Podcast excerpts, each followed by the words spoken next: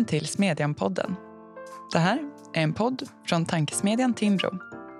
Du hittar alla våra poddar på timbro.se podcast. Du som lyssnar får också gärna betygsätta podden via Podcaster eller iTunes. Trevlig lyssning.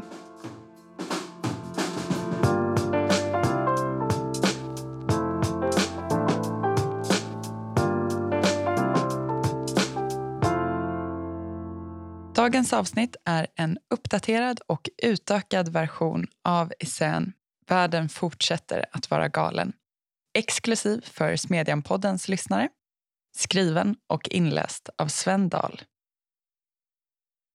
Det var som att världen blev galen, konstaterade statsepidemiologen Anders Tegnell när han sommarpratade i P1 2020. Tegnell blickade tillbaka på de där marsdagarna ett knappt halvår tidigare då världens regeringar och smittskyddsexperter ställda inför ett nytt virus glömde bort pandemistrategierna de under lång tid varit överens om. Istället inleddes det stora nedstängningsexperimentet. Vi befinner oss nu i början av den tredje pandemivintern och Tegnells iakttagelser håller fortfarande inte minst efter de senaste veckornas våg av nya restriktioner runt om i Europa. I förra veckan nådde vågen Sverige och regeringen återinförde en rad restriktioner. Samtidigt signalerade man tydligt att fler är att vänta. Bland de åtgärder regeringen öppnar för är att återigen införa begränsningar för restaurangbranschen men man vill också kunna införa krav på vaccinpass för att exempelvis få besöka köpcentrum och få använda kollektivtrafiken. Detta följdes några dagar senare av en debattartikel från Moderaterna som kanske enklast kan sammanfattas som coronapolitik med kriminalpolitikens logik.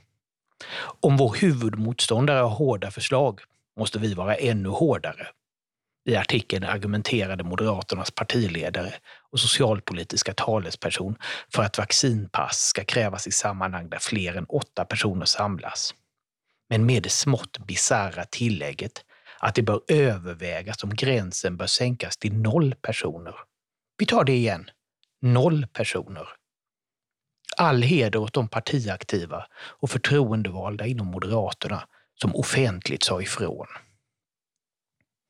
Denna restriktionskapplöpning sker i ett läge där antalet allvarliga fall är lågt, vaccinationsgraden hög och sjukvården betydligt bättre rustad, inte minst kunskapsmässigt, än vid pandemins utbrott. I själva verket finns alla de faktorer som politiken länge sagt var förutsättningarna för en återgång till det normala på plats. Men istället för en seriös politisk diskussion kring hur vi i Sverige och i resten av världen ska kunna återgå till samhällslivet som det såg ut i början av 2020 har vi hamnat i en situation där vi får se återkommande restriktioner och förbud. Några sommarmånader av frihet kanske vi kan få, men normen riskerar att bli inskränkta fri och rättigheter. Självklart kan man som exempelvis Moderaterna och många företagare i besöksnäringen argumentera för att vaccinpass är mycket bättre politik än nedstängningar eller begränsade öppettider. Men frågorna om hur riskerna som är förknippade med covid-19 egentligen ska vägas mot våra möjligheter att leva normala liv duckar politiken. Och detta trots att det är grundläggande politiska frågor, inte medicinska. Det är i själva verket svårt att föreställa sig något annat sammanhang där politiker lika obesvärat skulle ta sig an att reglera människors möjligheter att exempelvis träffas eller resa kollektivt. Tvärtom är det högst troligt att varje försök att göra sådana inskränkningar i människors rörelsefrihet skulle leda till stora protester och jämförelser med allehanda mer totalitära samhällen. Ja, i själva verket skulle jag nog säga att det fram tills pandemin var fullständigt otänkbart i demokratiska samhällen. Med tanke på de reaktioner och de debatter som regelbundet förs kring exempelvis det statliga alkoholmonopolets existens eller införandet av en eventuell skatt på sockriga drycker och lösgodis är det i själva verket förvånande att pandemipolitiken förs utifrån helt andra variabler. För egentligen borde pandemipolitiken handla om samma typ av risköverväganden som exempelvis sker i alkoholpolitiken, i miljöpolitiken eller när det fattas beslut om hastighetsbegränsningar på vägarna. Risker vägs mot människors rätt att fatta egna beslut om hur man vill leva sitt liv. Det är svårt att se varför coronapandemin skulle kräva något annat förhållningssätt. Än mindre den typ av extraordinära krisbefogenheter eller krisåtgärder som blivit ett politiskt normaltillstånd sedan mars 2020. För en sak vet vi efter snart två år med corona. Covid-19 är inte det existentiella hot mot mänskligheten som många fruktade i början av pandemin. Enligt Socialstyrelsens statistik har 14 559 svenskar avlidit i covid-19 fram till den 6 december i år. Av dessa har 88 procent varit 70 år eller äldre. 66 procent var över 80. De flesta som dör har också underliggande sjukdomar. Mer än hälften led dessutom av två eller flera av de sjukdomar som kan bidra till svårare symptom vid en covid-19-infektion. Som hjärt och kärlsjukdomar, diabetes eller lungsjukdomar. Det innebär också att covid-19 framför allt är en risk för de som varje år löper störst risk att dö som en följd av influensa eller förkylningar. När nya restriktioner ska motiveras heter det ofta att varje dödsfall är tragiskt för de anhöriga. Det är förstås sant, men det gäller samtliga dödsfall som varje år inträffar. Under 2020 avled cirka 98 000 personer i Sverige. 23 000 svenskar avled i cancer och knappt 28 000 av hjärt och kärlsjukdomar. Det är siffror som är värda att sätta i perspektiv till de minutiöst redovisade dödsfallen i covid-19 som samma år uppgick till 9 441 enligt Socialstyrelsens statistik. Många av dödsfallen hade helt säkert kunnat undvikas genom att vardagliga aktiviteter, från privatbilism till ätandet av friterad potatis förbjudits eller belagts med kraftfulla restriktioner. Ändå sker det inte. För med rätta skulle det ses som oproportionerliga ingrepp i människors frihet. Vi bedömer riskerna som hanterbara och som en del av livet, trots att även dessa leder till dödsfall som utan tvivel är traumatiska för de anhöriga. Samma sak gäller förstås med säsongsinfluenser och förkylningar som är långt ifrån riskfria för äldre och sjuka. Vad är det egentligen som gör att risker och dödsfall kopplade till just covid-19 betraktas på ett annat sätt? Som något som till nästan varje pris ska undvikas? Den frågan som borde vara självklar för världens politiker har ännu inte fått ett svar. Varken i Sverige eller någon annanstans. Givet det vi idag vet om covid-19 finns det få skäl att hålla fast vid det smittskyddsundantagstillstånd som blivit normalläget i liberala demokratier. Ändå fortsätter politiker i Sverige och andra länder att agera på ett sätt som pekar i exakt motsatt riktning. Det heter ofta att coronaviruset inte kommer att försvinna och att vi kommer att behöva lära oss att leva med det. Det är ett rimligt förhållningssätt, men det tycks vara oändligt svårt för politiska beslutsfattare att i praktiken leva upp till.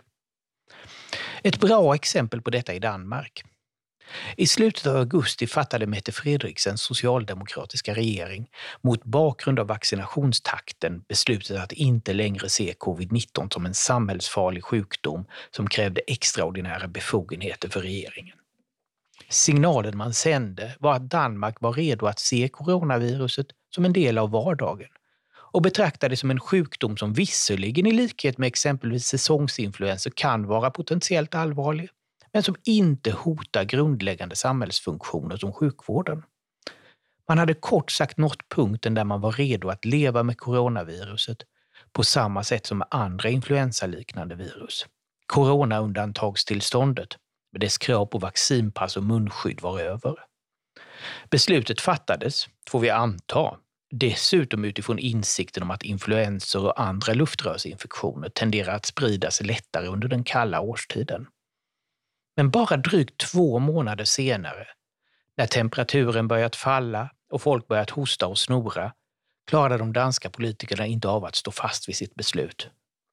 Regeringen beslutade att återigen klassificera viruset som samhällsfarligt och från slutet av november återinfördes krav på exempelvis vaccinpass för att besöka kaféer och restauranger. Det säger förmodligen något om vår avtrubbning inför frihetsinskränkningarna under pandemin att detta, i likhet med den svenska regeringens beslut, framstår som återhållsamma och milda åtgärder. Men ställda inför höstens och vinterns ökade spridning av coronaviruset har Nederländerna återigen stängt exempelvis restauranger efter klockan 17. Portugal nöjer sig inte längre med att kräva vaccinationsbevis för inresa utan kräver även ett negativt test. Österrike har infört lockdown för ovaccinerade och den nya tyska regeringen har som ett av sina första beslut infört restriktioner som i praktiken innebär att man följer Österrikes exempel.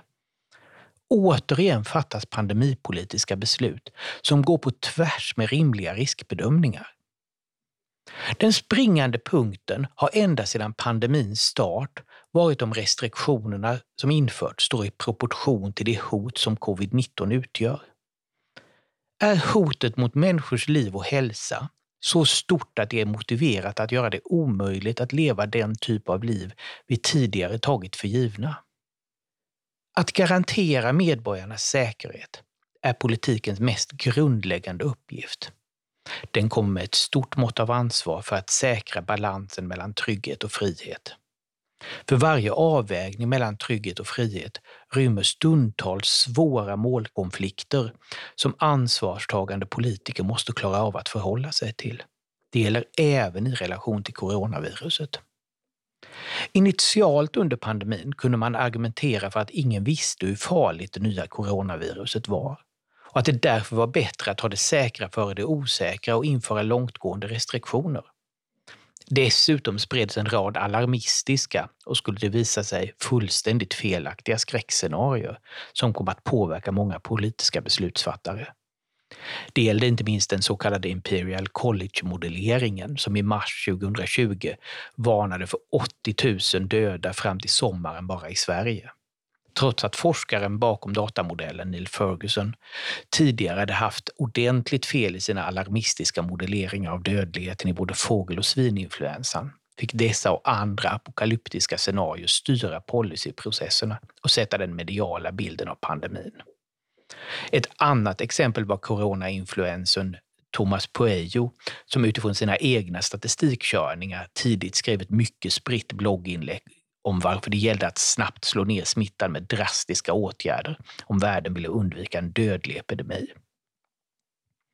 Idag har vi ett helt annat kunskapsläge om sjukdomen. Vi vet som sagt att covid-19 sett till dödlighet och riskgrupper snarare påminner om andra influensavirus och de virus som ligger bakom vanliga förkylningar än om exempelvis spanska sjukan. Vaccin och behandlingsmetoder som utvecklats under pandemin gör dessutom att risken för svår sjukdom och dödsfall minskat rejält.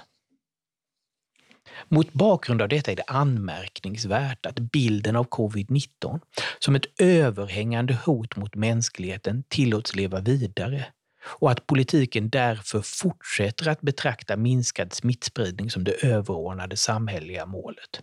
En bidragande faktor är sannolikt att det politiska och mediala fokuset under hela pandemin legat på antalet smittade snarare än på frågorna om dödlighet och vilka som riskerar att bli allvarligt sjuka.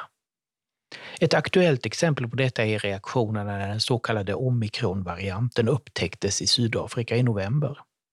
Mutationen bedömdes som mer smittsam än tidigare varianter, vilket fick länder runt om i världen att omedelbart införa inreserestriktioner gentemot Sydafrika. Samtidigt pekade emellertid det mesta redan då på att omikronvarianten är mindre farlig sett till risken för att bli svårt sjuk. Det är en bild som det hittills inte funnits skäl att ompröva. Ändå har de politiska reaktionerna på många håll i världen blivit dramatiska i form av nya restriktioner. Att leva ett fullvärdigt liv är att ständigt utsätta sig för och ta ställning till risker. Vi gör det i trafiken, på tallriken och i umgänget med andra. Utan dessa risker vore livet outhärdligt. Att kunna möta våra medmänniskors blick och le mot dem, inte bara med ögonen utan med hela ansiktet, är grundläggande mänskligt. Att vandra genom livet med ett munskydd för ansiktet är att isolera sig från andra, att avgränsa sig från samhället. Under en begränsad period kan munskydd vara ett klokt val av den enskilde. Men om det blir norm, eller rent av tvingande som regel i offentliga miljöer, då förlorar vi något essentiellt. Det är hög tid att vi börjar betrakta covid-19 som en del av livet. Precis som vi gör med andra luftrörsinfektioner eller för all del obehagligheter som vinterkräksjukan. Men allt tyder på att den politiska logiken gör att vägen dit är lång. Har man en gång börjat betrakta viruset som ett så farligt hot att det motiverar drastiska frihetsinskränkningar blir det politiskt svårt att erkänna felbedömningen och därmed ta på sig ansvaret för pandemihanteringens sociala och ekonomiska konsekvenser. Bättre då att upprätthålla bilden av viruset som ett ständigt närvarande och dödligt hot. Det går heller inte att undvika tanken att en och annan politiker ser fortsatt virusrädsla och krisstämning som ett sätt att framstå som starka och handlingskraftiga och därmed värda att bli omvalda. Du har lyssnat på en inläst essä från Smedjan och tankesmedjan Timbro. Du hittar alla våra artiklar på timbro.se smedjan. Och vi hörs igen här nästa vecka.